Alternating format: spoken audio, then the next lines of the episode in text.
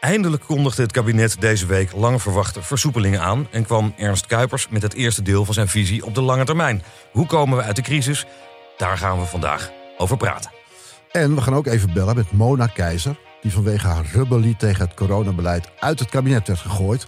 En deze week groot succes had met haar petitie voor versoepelingen en tegen de coronapas, die massaal werd ondertekend. Heeft Mona gelijk gekregen? Of was het gewoon knappe timing van de gehaaide Volendamse?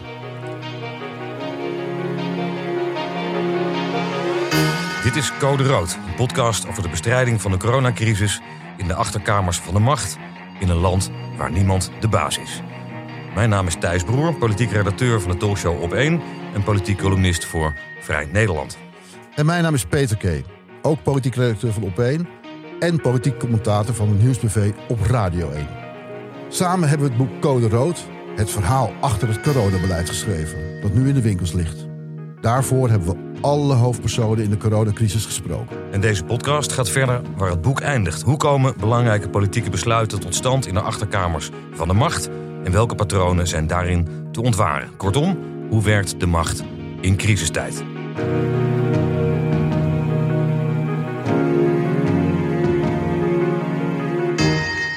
En eh, Peter, blij dat die versoepelingen eindelijk doorkomen? Ja, dat kun je wel zeggen. Ik heb, uh, ik heb er zin in. Morgen, morgen al lekker even uit eten. En uh, daarna misschien ook nog wel naar zo'n illegaal feestje. Als, uh, als Femke Halsma niet uh, de, de deuren allemaal op slot heeft gekregen. Ik heb een kaartje en het ja, is nog niet afgezegd. Dat is die actie van al die clubs die, die gewoon lekker open blijven. Dat hebben aangekondigd al vorige week. dat ze open zouden blijven. Dat ja. niet alleen maar een, een, een actie van één dag zou zijn, maar voor permanent. Nee, nee, nee. Dat is voor die ene avond is dat. Voor de, de, de, dus de, ja, maar ze hebben heel stoer bij gezegd dat ze niet meer dicht zouden gaan daarna. Ja, nou, dat, dat heb ik. Dat, volgens mij gaan ze dat niet aandurven, want uh, de BOA's worden toch erop afgestuurd. Uh, maar ik neem aan dat jij toch ook al voor een kaartje hebt gezorgd, want jij houdt best van het nachtleven. Ja, maar voor dat soort feestjes heb je helemaal geen kaartje nodig. Daar ga je gewoon naartoe. Ik weet nog wel een paar tintjes. Um, en eind volgende week is dan de gedachte dat, uh, dat de, op de 25e de kroegen in ieder geval tot een uur of één s'nachts open mogen. En wat later misschien nog wel de nachtclubs en grote evenementen die ook gewoon weer door kunnen gaan. Hè? Dat ja, maar dat is dan nog niet. Maar het is natuurlijk wel een mooie timing. Want op uh, 26 begint het, uh, 25, 26 begint het carnaval. Dus daar hebben we het vorige week al over. Maar die kunnen al los in ieder geval. Precies. Bovendien is dat, gaat het ook niet, hoorde ik op de radio, niet om uh, cafés en zo. Dat gaat om een evenement. Ja. Dus dan geeft ze nog meer vrijheid natuurlijk. Precies, ja. Um, en opeens heeft helemaal niemand het meer over 2G. Hè? Dat vermalendijde systeem waar jij laatst nog eventjes voor was. Dat is ook al van de baan. Nou ja, het is min of meer uh, ontmanteld in de Tweede Kamer deze week. Hoewel uh, de coalitiepartijen, VVD, D66, die geloven nog wel steeds dat ze, als het nodig is, nog kunnen gebruiken in een laat moment van de crisis. Als er weer een nieuwe coronavariant opduikt. Ja, dat dus ze dat in de gereedschapskist laten zitten. Ja, en dat ze dan opnieuw zullen opperen en er opnieuw over gestemd zou kunnen worden. Maar ja, de steun op dit moment is natuurlijk uh, minder dan de meerderheid in ieder geval. En precies, ja. Vrijwel niet heel namelijk. um, nou, de cafés mogen dus open blijven tot één uur. Straks thuiswerken hoeft niet meer de anderhalve meter. Gaat op de meeste plekken verdwijnen. En ook grote evenementen mogen dus weer doorgaan. Als iedereen maar wordt getest. Uh, als iedereen maar wordt getest, ja, dat zou er dus op neerkomen dat 1G wordt ingevoerd voor grote evenementen. Ja, dat is ook best wel. En dat dat de enige manier nog is om bij een groot evenement of in een nachtclub binnen te komen. Ja, dus dan sta je daar met dat stokje via je neus voordat je zo'n club binnenloopt. Ik weet niet, heb jij er zin in? Zou dat kunnen werken, überhaupt? Is dat een waterdicht systeem? Nou, het is natuurlijk ook geen waterdicht systeem. Nee, dat denk ik niet. Nou, je merkt, dat merkt het zelf de afgelopen week al. Om de haverklap hoor je van mensen dat ze positief getest zijn, of vals positief. Uh, of negatief getest bij een sneltest en vervolgens positief bij een PCR-test. Langzamerhand begint het sentiment wel te ontstaan. Laat maar zitten, dat testen, dat heeft toch niet zoveel zin. Nee, ja, iedereen is wel besmet of uh, kent iemand die die besmet heeft. Uh, ik sprak vandaag nog iemand die besmet is, die lekker aan het wandelen was met een andere besmette persoon. Ook lekker uit eten ging met een andere. Oh nee, bij iemand ging eten die ook besmet is. Het, het, is, het grijpt zo om zich heen. Um, dat ja, iedereen heeft het gevoel eigenlijk dat het hele testen geen zin meer heeft. Hè? Nou, en mensen weten ook nauwelijks meer wat de regels nou eigenlijk zijn. Zelfs Ernst Kuipers zelf maakte van de week zijn eerste uitgeleider. Toen hij bij Bo niet kon vertellen hoe lang mensen die positief getest zijn eigenlijk in quarantaine moeten blijven. Ja. Weet jij het eigenlijk wel? Ja, ja, ja, ja, ik weet het zeker. Want ik, uh, ik heb laatst nog uh, zeven dagen in quarantaine gezeten zelf. Ehm, dus ik vond het opmerkelijk dat hij dat niet wist. Maar toen Hij- heb je ook braaf hij ging- 24 hij uur... ging- nou, was je 24 uur klachtenvrij toen je weer op pad ging? Nee, een klein beetje gesprokkeld. maar eh, ik vond het wel interessant dat, dat Kuipers de volgende dag dan maar tegen het overtoepen en zegt van nou ja, die quarantaine tijd kan wel wat verkort worden. Die die dus net heeft opgezocht gisteravond. Precies. Hij schrok er zelf van dat het een hele week was, kennelijk. En in Engeland waren ze al na vijf dagen. Ik heb, ik heb geloof ik die vijf dagen aangehouden. Oh, ik, ik ben een Ja, beetje je- een je was gewoon de tijd een beetje vooruit, zoals gewoonlijk. Ja, ja, heel goed. Behalve met wat 2G betreft, toen was je een beetje achter. Maar goed, Oh, oh. daar hebben we het nog wel een keer over. Ehm, intussen heeft eh, ehm, het kabinet eindelijk ook het eerste deel van de lange termijnvisie aangekondigd. Ehm, en onderdeel daarvan was, daar was van de week nogal wat over te doen alweer, dat volgens de kabinetsplannen een nieuwe coronagolf ehm, grotendeels moet gaan horen bij het ondernemersrisico. Dat komt er dus eigenlijk op neer dat er geen overheidssteun meer komt dan, zoals de afgelopen jaar wel het geval is geweest. En dat bedrijven zelf maar een buffer moeten opbouwen. Nou, Jacco Vonhoff, voorzitter van MKB Nederland, Precies. de club van, van eh, middelgrote en kleine bedrijven, ehm, maakte zich daar verschrikkelijk boos over. Op BNR Nieuwsradio vanmorgen hoorde ik hem zeggen dat het een faux pas was van Ernst Kuipers. Snap je wat hij daarmee bedoelt?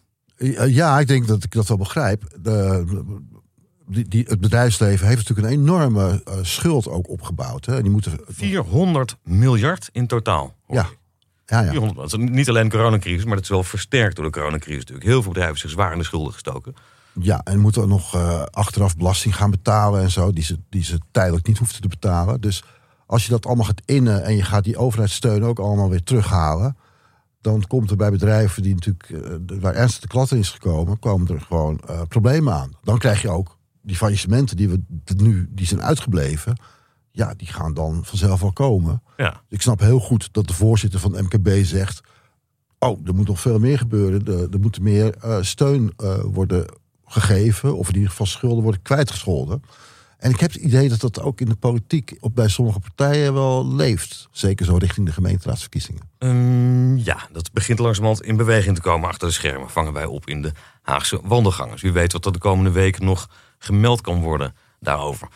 Ja, wat ook interessant was van wat Jacco Vonhoff bij BNR zei, is toen ze even samen vooruit gingen blikken op naar aanleiding van de plannen van Ernst Kuipers voor de eh, lange termijn, nooit meer een OMT.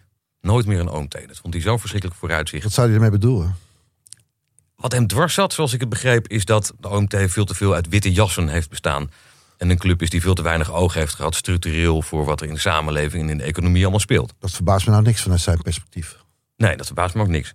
Maar eh, ik hoop dat hij gelijk krijgt, omdat Jaap van Dissel nooit meer zo'n prominente rol krijgt.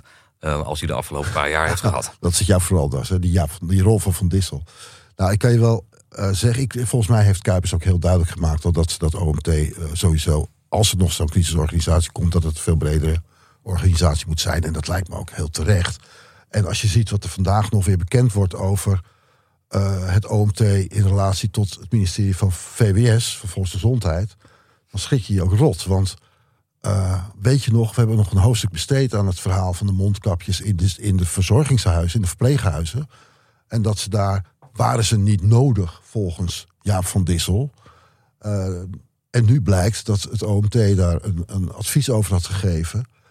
eh, wat door aangescherpt werd door, door het ministerie. Die zeiden, nou, je moet even duidelijk zeggen dat die mondkapjes in de ver- verpleeghuizen nauwelijks wat toevoegen. En dat het voor de mensen in, op de busjes in de, bij de verpleeghuizen, die konden beter met zo'n scherm werken dan met mondkapjes. Ja, dat is toch wel stug. Want het, is, het kabinet heeft altijd beweerd dat eh, het OMT volstrekt onafhankelijk was. Ja, en hier schrik je wel van dat er dus vanuit het ministerie gecorrigeerd werd op teksten van het OMT. En dat ook de meeste leden van het OMT helemaal niet wisten dat dat gebeurde. Wat ze natuurlijk eigenlijk wel hadden kunnen nalezen, maar dat gebeurde zomaar. Eh, dat is wel brisant. En ik ben bang dat er nog veel meer van dit soort onthullingen zullen volgen. Hè? Want dit, tot nu toe zijn WOP-verzoeken afgehouden. Want in de crisis kon het ministerie er allemaal niet, niet eh, WOP, eh, de wet openbaarheid bestuur, konden ze niet aan meewerken. Want er was veel te veel eh, werk sowieso al om ook nog eens allerlei documenten te gaan napluizen en naar buiten te brengen. En nu gaan die documenten wel naar buiten komen. Nou ja, dan Ja, weet je wel, er ligt nog een bom, een smeurende bom te wachten. Ja, en dan komt nog een parlementaire enquête ook. Dat wordt smullen. En Dijsselbloem komende week met zijn eerste onderzoek... wat ook gaat over die verpleeghuizen. Hè? Dat gaat Onder- precies daarover. Onderzoeksraad voor de Veiligheid. Ja, Maar wat, wat, Vonhoff, wat Vonhoff zei ook, en daar had hij ook wel een punt, dat heel veel mensen, ik sprak laatst op mijn kapper bijvoorbeeld, die heeft al zijn spaargeld moeten opmaken om zijn personeel te kunnen blijven betalen de laatste tijd. Eh, en een deel van die regelingen, die TOZO bijvoorbeeld, waarin je die tegemoetkoming voor je, voor je werknemers, eh, die moet je ook weer terugbetalen op een gegeven moment. Dus eh, dat betekent dat heel veel, zeker kleine ondernemers, met een enorme schuldenlast zitten. En die kunnen straks eens in zware problemen komen de kapper is natuurlijk alles gegund. Maar er zijn natuurlijk ook een heleboel bedrijven bij. En dat is waar het kabinet mee in zijn maag zit. Die je niet eindeloos overeind kan houden. Die zombiebedrijven worden genoemd. Ja. Die eigenlijk heel slecht zijn. Of op een verkeerd spoor zaten. Niet eh, aangepast genoeg aan nieuwe ontwikkelingen. Wat nu versterkt is. Of eigenlijk tijdelijk op slot is gezet door de, door de crisis. Bedekt met de mantel der liefde. Omdat zulke bedrijven ook aanspraak konden maken op geld. Ehm, en, die, ehm, en die eigenlijk gewoon volgens de wetten van de markt allang verdwenen hadden moeten zijn. Dus er zit nog wel een stuw meer van dat soort eh, faillissementen aan te komen. En het kabinet vindt eigenlijk dat je de markt ook weer wat dat betreft zijn werk zou moeten laten doen. En niet bij elke nieuwe coronagolf weer de zaak kunstmatig overeind moet houden. Daar zit ook wel weer wat in. ja, dat is op zich een begrijpelijk standpunt. En eh, ja, je kunt ook verwachten dat, dat, dat de nodige bedrijven onderuit zullen gaan. Hoezeer het ook eh, met name een partij als de VVD aan het hart zal gaan. En ook die, die, die staatssecretaris die daar voorheen over ging. Weet je nog? Mona Keizer. Mona Keizer. Een jaartje geleden nog. Was zij degene die, die alles deed om die bedrijven te beschermen. En juist open te houden. Samen met, met Wiebes zat zij altijd te denken. Wat kan er wel? Wat kan er wel? Wiebes die ging meten in de bioscoop. Om te kijken of de, of de bioscopen open konden blijven met, eh, met speciale wandelroutes en zo. Heeft hij toch een tijdje nog voor elkaar gekregen? Ja, dat is ook zo. Hij ging bij een Italiaans restaurant op bezoek waar ze, waar ze zich hadden ingericht op, eh, op afhalen. En toen kreeg hij tranen in zijn ogen toen hij daarna in de, in de auto stapte. Hij zei, oh, Italiaanse Nederlanders die, die zandzakken dragen naar de dijk. Wat prachtig allemaal. Ja, ik meen dat ik dat gelezen heb in het boek Code Rood. Code rood. Ja, Oh, interessant. Ehm, maar Mona, ja, we, we, we missen, we hebben er een tijdje moeten missen. Maar inmiddels is ze terug. Vol aan het, eh, in de schijnwerpers. Met haar fantastische actie die ze deze week gedaan heeft. Nou ja, fantastisch, laat ik het zo niet noemen. Met, met haar opmerkelijke actie die ze deze week heeft gedaan. Onverdeeld open, enorm succes. En ik vind dat we vandaag even met Mona moeten bellen. Even bellen met Mona Keizer.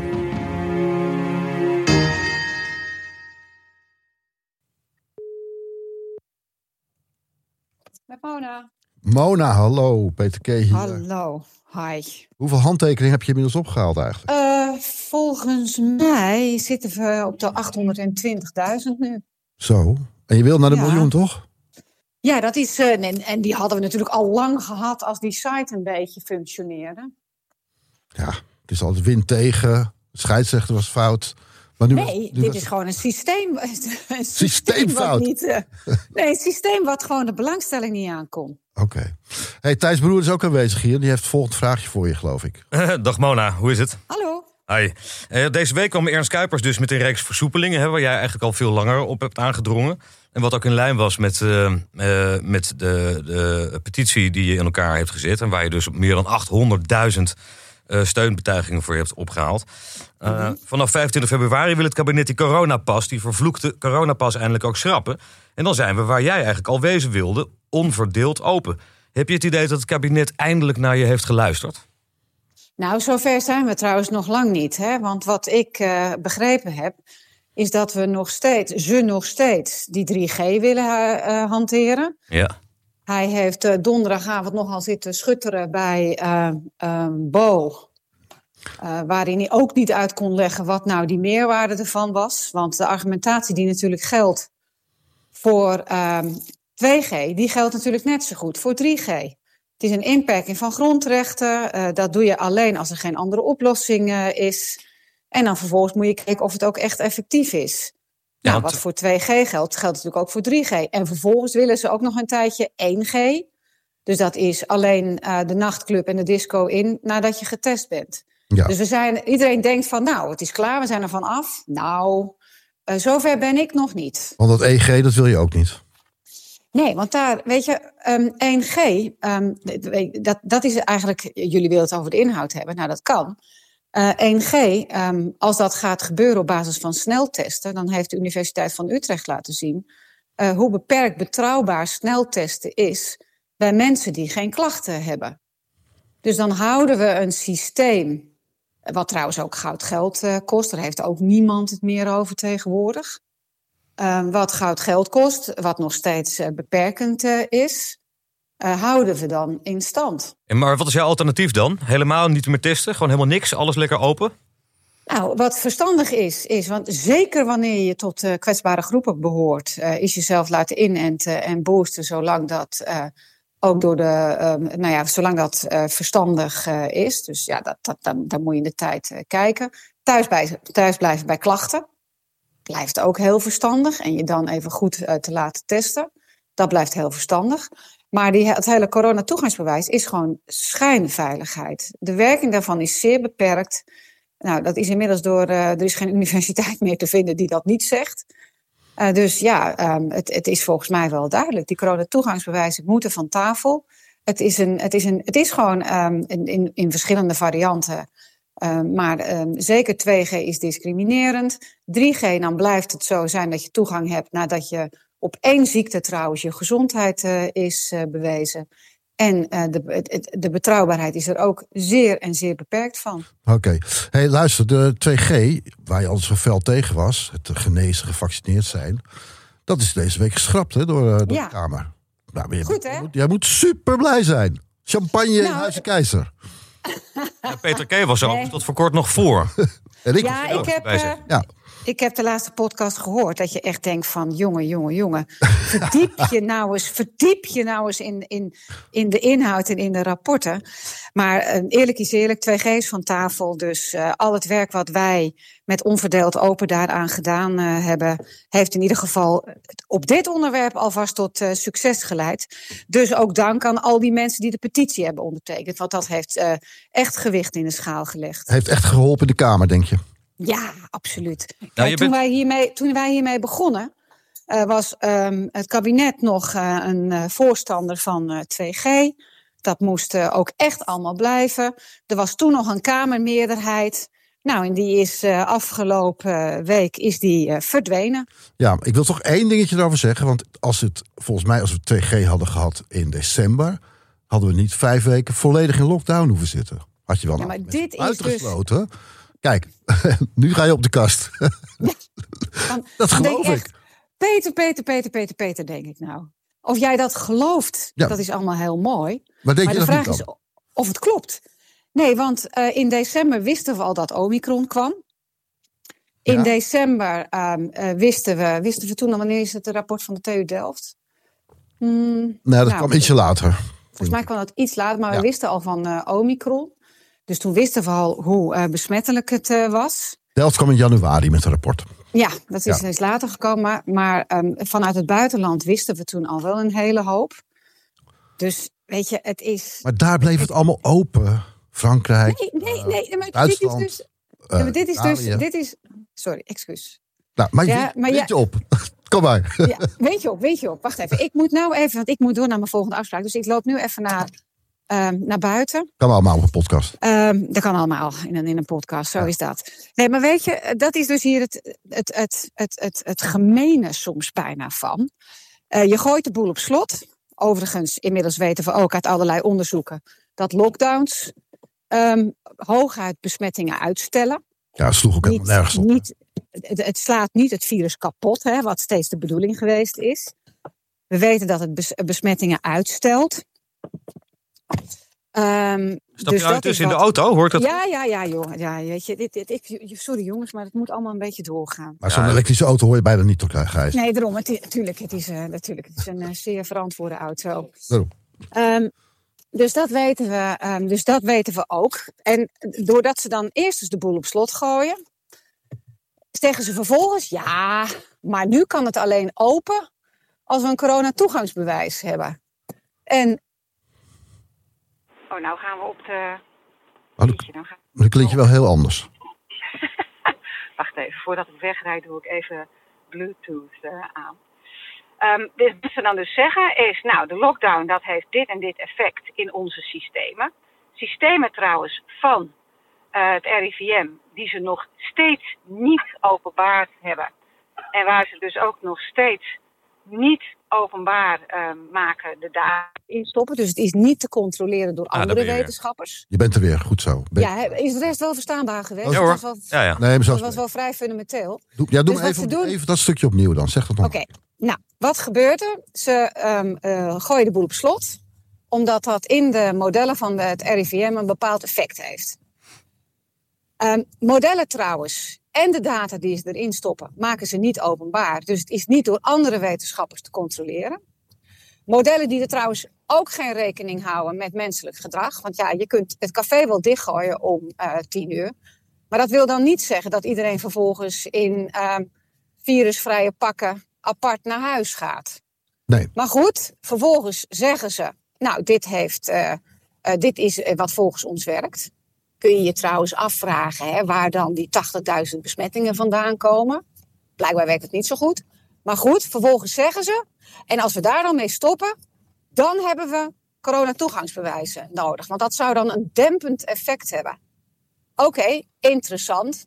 Leg mij dan eens uit wat dat dempende effect is. Want de TU Delft geeft aan dat dat zeer en zeer beperkt is.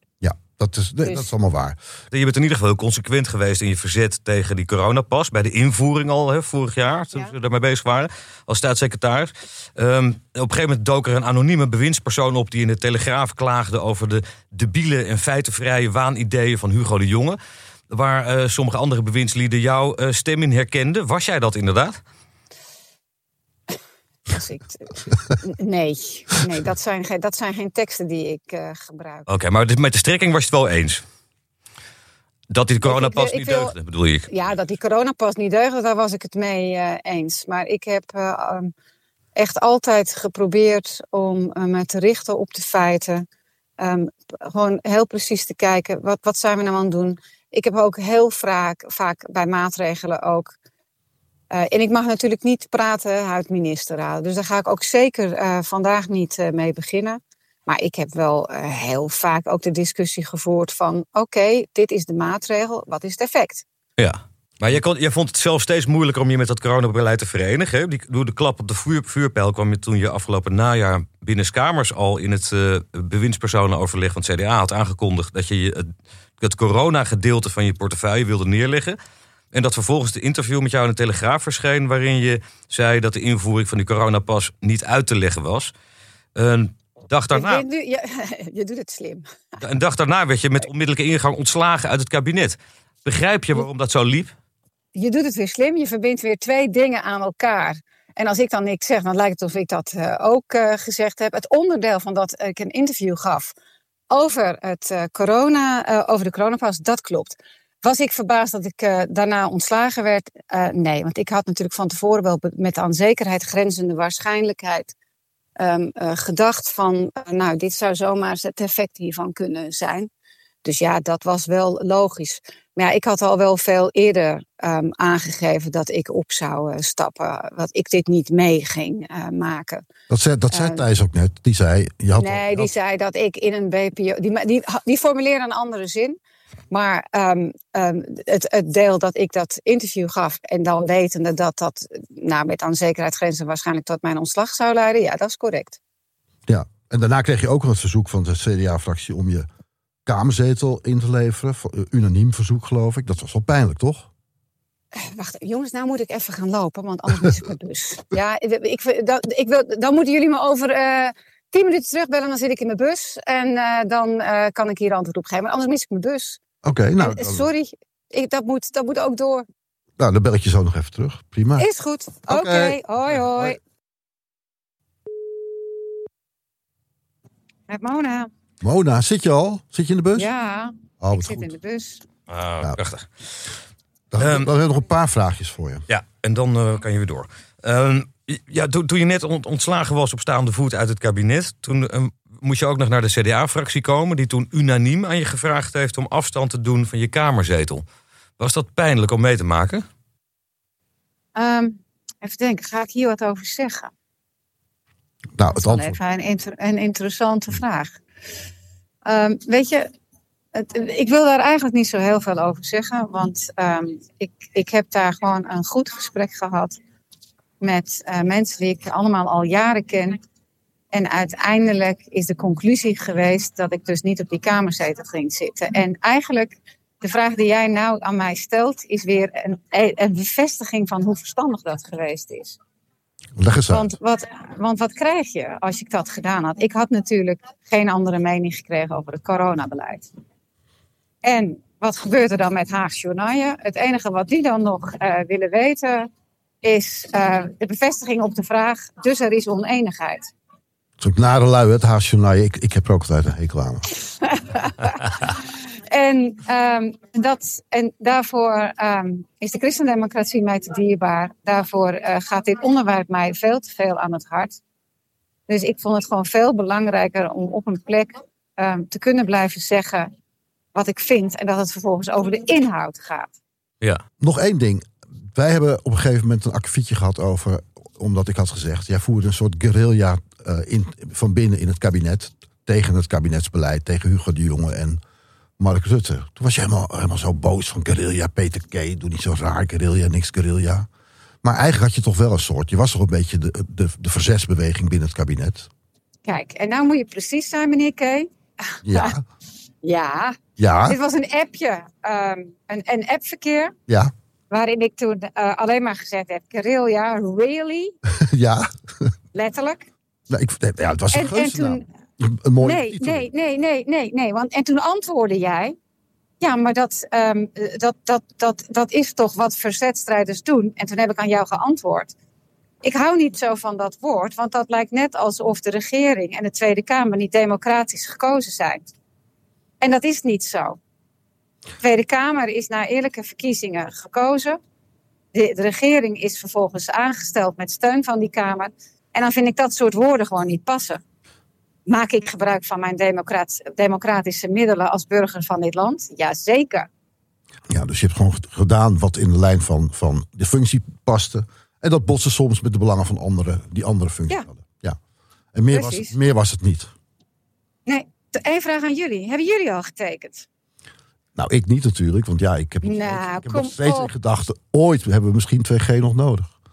Peter. nou, Peter, dan echt, echt Peter, toe nou. Je bent nog lang niet klaar met de politiek. Want je begint meteen weer te prediken als een politicus. Dus ja, uh, ik verwacht nee. dat je toch terugkomt. Maar Thijs is heel, Ja. heel op jouw lijn. En die zal ongetwijfeld getekend hebben, hè Thijs? Nou, daar ben ik nog niet toegekomen. Ik dacht dat het niet meer nodig was eigenlijk ook. Nou, thuis, huppatee. Onverdeeld open, punt, petities.nl. En daarna je, web, eh, je mailbox checken. Ja, dankjewel. Ik zal eraan denken. Hey, goede reis verder met de bus. Dankjewel. Dag. Dag. Oh. Nou, Peter, vind je dat bevredigende antwoorden van uh, Mona? Ik heb toch weer op, op, op mijn laatste gekregen van Mona een beetje. Hè? Goedemorgen. Gaat het al jaren zo? Zo gaan we altijd met de krom, ja. Ah. Um, maar wat ze zei over guerrilla... Ze heeft dus zelf totaal niet het idee dat ze een guerrilla gevoerd heeft. Maar daar wordt binnen het kabinet heel anders over gedacht, hebben wij kunnen noteren. Um, bijvoorbeeld dat, ze, dat er opeens in de Telegraaf stond... dat een bewindspersoon van CDA-huizen gezegd zou hebben... Um, gesproken hebben over de debiele ideeën van Hugo de Jonge. Feitenvrije waanideeën. Daar waren ze van overtuigd dat dat uh, van Mona afkomstig was. Ja, in, in het AD stond uh, een verhaal over Bokito-gedrag. Waarvan men ook dacht, ook een beetje in de richting van Mona keek. Alsof zij dat gedaan zou hebben. Ja, ja maar dat, uh, nou ja, je hoort hoe ze erover denkt. Ik kwam op voor mijn eigen sector. en uiteindelijk is ze, heeft ze dus van tevoren voordat ze zich echt dan in de krant voorzetten... met uitspraken die dan echt niet horen. Je zegt niet iets anders dan het kabinet wil. In de Telegraaf zei ze toen, ik zie niks naar 2G. Nou, de volgende dag vloog ze eruit. Of diezelfde dag nog eigenlijk, zaterdagochtend publicatie. Ja. Een paar uur later was ze eruit. Omdat Grapperhaus, die 2G moest gaan verdedigen... minister van Justitie de was. coronapas, ja. En, en uh, ja, de coronapas.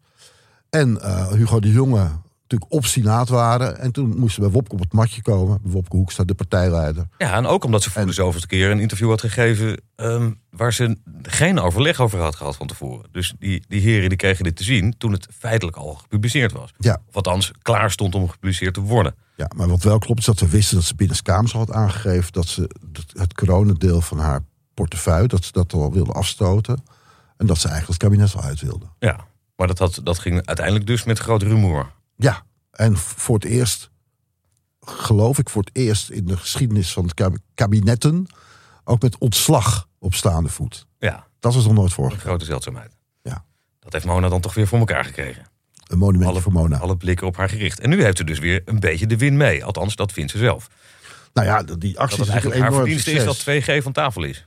Ja, en zij, zij voelt het als een enorme bevrijding. Dat hoor je wel, dat ze nu kan zeggen wat ze wil. Nou, deze, deze actie heeft, was, is natuurlijk zeer succesvol. 800.000 handtekeningen, ja, dat is niet niks. Ja, waarbij je nog steeds kan afvragen natuurlijk dat de timing ook wel interessant was. Op dat moment was er natuurlijk in het kabinet, werd er altijd over nagedacht. Of, of en wanneer die versoepelingen ehm, mogelijk zouden worden. En er was in de hele samenleving al enorme aandrang die kant op. Dus je zou ook kunnen zeggen dat Mona precies op het goede moment op de golf is gestapt. Ja, maar timing is everything in de politiek. Kijk, Thijs, dat zou je ook moeten weten. Nee, dat is waar. Dat is waar. Dat heeft ze weer heel knap gedaan. Alle blikken zijn weer op Mona gericht. Zo is dat. We wensen haar veel succes. En de grote vraag, hoe verder? Maar wat verwachten we, Peter, dat er de komende weken gaat gebeuren? Nou ja, de vrijheid longt. Dus het, is, het zijn nog een paar stappen. Het wordt steeds moeilijker om eh, de maatschappij eh, aan teugels te binden. Om die, om die bevrijding tegen te gaan. Dat zie je wel. En eh, er worden ook in versneld tempo stappen genomen. Hè. Iedere keer komen ze nog weer, weer vroeger met meer opening dan je zou verwachten. Zoals gisteren Kuipers ver- ver- verraste eigenlijk met het moment waarop hij al naar buiten bracht. Dat, dat we naar nieuwe openingstijden gaan. Ja, Ehm, het tempo zit er goed op en dat is ook wel logisch. Die maatschappelijke onvrede is gewoon, het is niet meer te temmen. En bovendien, als je zelf naar het café gaat, je wordt nergens, bijna nergens meer gecontroleerd op coronapassen. Eh mensen staan ook niet meer op anderhalve meter afstand. Het is, de maatschappij heeft het eigenlijk al grotendeels losgelaten, toch? ja. Maar nu de coronacrisis dus op zijn einde lijkt te lopen... ehm, betekent dat ook iets voor deze podcast. We hebben tot nu toe vooral over, over het coronabeleid gepraat... waar dat boek van ons ook over gaat. Ehm, misschien moeten we langzamerhand eens wat meer de breedte in. Ja, nou ja, dat, dat, dat denk ik inderdaad. De- de- Kijk, ik bedoel, code rood geldt natuurlijk niet alleen voor corona. Er zijn veel meer crisissen in, in het, eh, die spelen nu. Waar je eigenlijk zo'nzelfde sticker op kan plakken. Want we hebben de wooncrisis, niet gering. De klimaatcrisis, Stikstof hebben we. dat, het Groningse gas. De toeslagenaffaire. eh, de maatschappelijke ongelijkheid, de kloof.